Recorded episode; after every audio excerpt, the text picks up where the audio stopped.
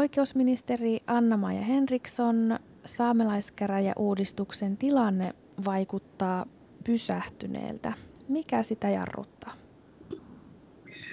No, tilanne on valitettavasti juuri se, että, että emme ole hallituksen sisällä päässeet yhteisymmärrykseen ja sen takia saamelaiskäräjälaki edelleen seisoo paikallaan. Esitys on, on, on olemassa.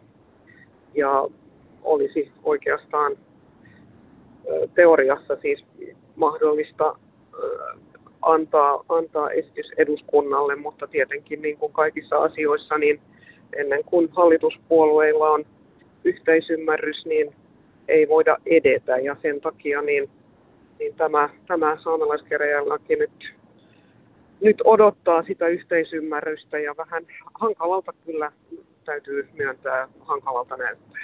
Miten etenette uudistuksen kanssa parhaillaan?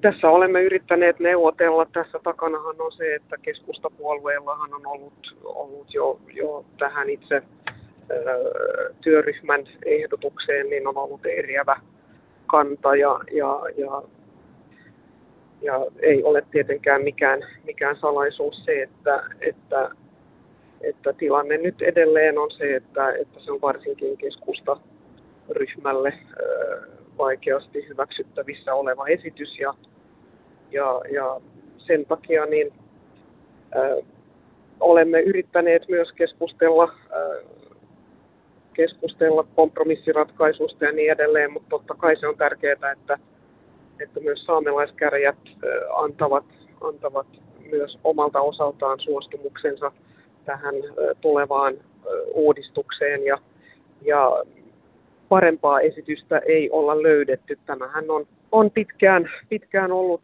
tilanne, että tähän, tähän kysymykseen on ollut vaikeaa löytää ratkaisuja ja omasta mielestäni niin se esitys, mikä nyt on pöydällä, niin on erittäin, erittäin tasapainoinen ja, ja vastaisi niihin, niihin tuota, vaatimuksiin, jotka, jotka Suomelle on myös esitetty YK, YK tuota, ihmis- tai alkuperäiskansojen komitealta, joten, joten olen, olen huolissani kyllä tästä kokonaistilanteesta ja toivoisin, että neuvottelut sitten hallituksen sisällä voisivat jatkua vielä kesälomien jälkeen.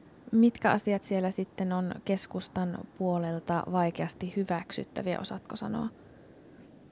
No siis se, joka on perehtynyt tähän, tähän tuota edeltävään työryhmän mietintöön, niin tietää sen, että kyse on ollut tästä, että ketkä voidaan ottaa ottaa tähän vaaliluetteloon ja, ja, ja siitä, siitä on kysymys.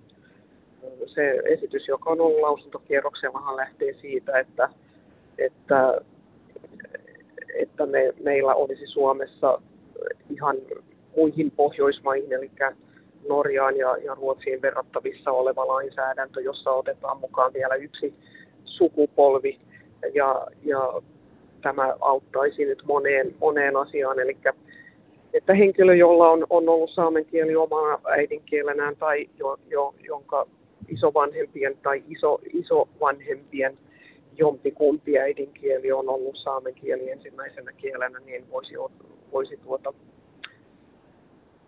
päästä sitten tähän vaaliluetteloon. Tämä on nyt se esitys ja, ja, ja tuota, siitä ei kuitenkaan ole vielä yhteisymmärrystä löydetty.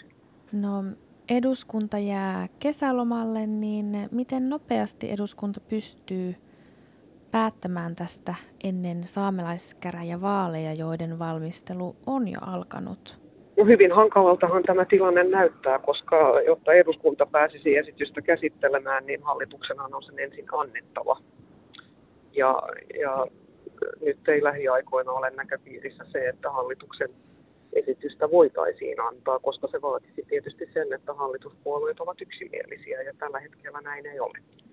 Joten, joten erittäin hankalalta tilanne näyttää, mutta, mutta toivon edelleen, että, että tässä nyt kesälomien jälkeen niin, niin voidaan palata vielä asiaan ja, ja vielä vielä yrittää, koska hallitusohjelman mukaisesti niin tässä asiassa pitäisi, pitäisi myös edetä ja, ja mielestäni on erittäin tärkeää myös, että Suomi vakavasti myös ottaa ne huomautukset, jotka olemme YK ihmisoikeuspuolelta saaneet. Eli se tilanne, mikä meillä nyt on, niin se, se ei, ole, ei ole hyvä ja, ja sen kanssa ei olisi hyvä elää tästä eteenpäinkään, joten, joten olisi syytä päästä, päästä ratkaisuun. Mutta tämä ei ole nyt RKPstä kiinni oleva asia ja, ja, ja toivon, että se yhteisymmärrys voidaan vielä hallituksessa löytää. Eli hallitus ei ole vielä antanut omaa esitystään tästä saamelaiskäräjälajista, koska siellä ei ole löytynyt puolueiden kanssa yhteisymmärrystä ja nimenomaan keskustapuolueen kanssa, ymmärsinkö oikein? Ja tämä on se tilanne ja, ja tässä kohtaa haluan nyt olla rehellinen. Tätä on, on, on, on tuota, kyselty nyt niin paljon, että on, on, on pakko myös sanoa, miten asiat on.